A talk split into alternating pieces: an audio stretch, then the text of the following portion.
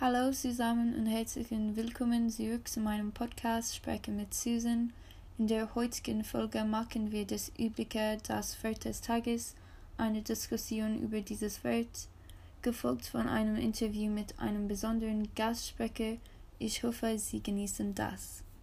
Fangen wir also an. Das Wort des Tages ist Neologismus. Was ist ein Neologismus? Also ein Neologismus ist eine neue oder isolierter Begriff, ein Wort oder eine Phrase, die im Begriff ist, in dem allgemeinen Sprachgebrauch überzugehen, die aber noch nicht vollständig in dem allgemeinen Sprachgebrauch aufgenommen wurde. Wahrscheinlich liegt es am Coronavirus, dass dieses Wort in den letzten Monaten so aktuell geworden ist. Das Leibniz-Institut für deutsche Sprache EDS erforscht jedes Jahr welche Neologismen in den deutsche Sprache eingegangen sind. Das heißt, es schaut, welche neuen Wörter und sprachlichen Einflüsse sich gebildet haben und auch in dem Alltagsgebrauch übergegangen sind. Seit März 2020 dokumentiert es deshalb, welche sprachlichen Neuerungen durch die Corona-Pandemie entstanden sind und in diesem speziellen Wörterbuch der Corona-Neologismus finden sich noch 1200 neue Wirtschaftungen. Damit komme ich zu unserem Gast. Ich habe das Glück, Dr. Hanne Loben, die Direktorin und Forschungsleiterin des Leibniz Institut für Deutsche Sprache ADS zu interviewen. Nun, Dr. Loben, wie geht es Ihnen? Mir geht's gut, Susan. Danke für die Einladung zum Gespräch.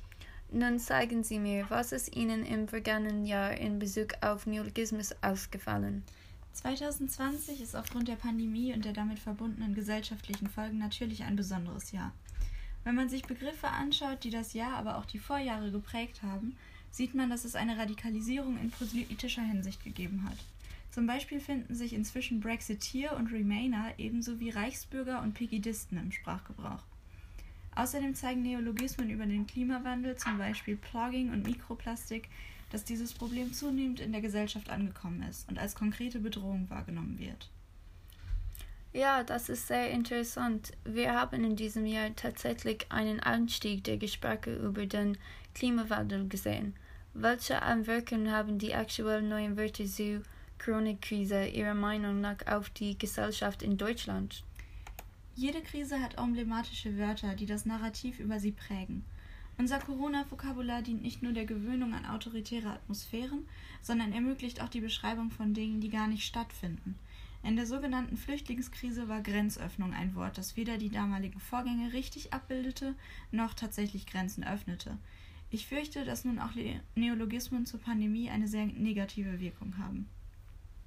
Ja, Sie haben recht, das ist die traurige Wahrheit. Worte wie Lockdown, Kontaktverbot und Social Distancing haben nicht den positiven Effekt. Außerdem fällt auf, dass viele dieser Worte aus der englischen Sprache stammen. Was hat es damit auf sich? Genau. Die Gewöhnung an autoritäre Umstände geschieht in der Corona-Krise meist durch den Gebrauch von Anglizismen. Dadurch wird der globale Effekt der Pandemie unterstrichen. Außerdem klingt der Anglizismus Lockdown weniger strikt als das deutsche Äquivalent Ausgangssperre. Dadurch erhofft man sich eine einfachere Akzeptanz der erforderlichen Freiheitsbeschränkungen in der Bevölkerung. Ich verstehe ja. Vielen Dank für Ihre Einschätzung. Zum Schluss noch eine letzte Frage. Was ist Ihr Lieblingswort aus der Pandemie? Ich schwanke zwischen Ellenbogengruß und Corona-Plauze. Ich finde es faszinierend, dass die von Infektionen schützende Art, sich mit dem Ellenbogen statt mit der Hand zu begrüßen, ein eigenes Wort bekommen hat. Und Corona-Plauze beschreibt die Gewichtszunahme durch mangelnde körperliche Aktivität im Homeoffice, meiner Meinung nach sehr schön selbstironisch. Tolle Wahl und vielen Dank. Das ist alles, was ich für heute habe. Ich hoffe, es hat Ihnen gefallen, etwas über Neologismus zu hören.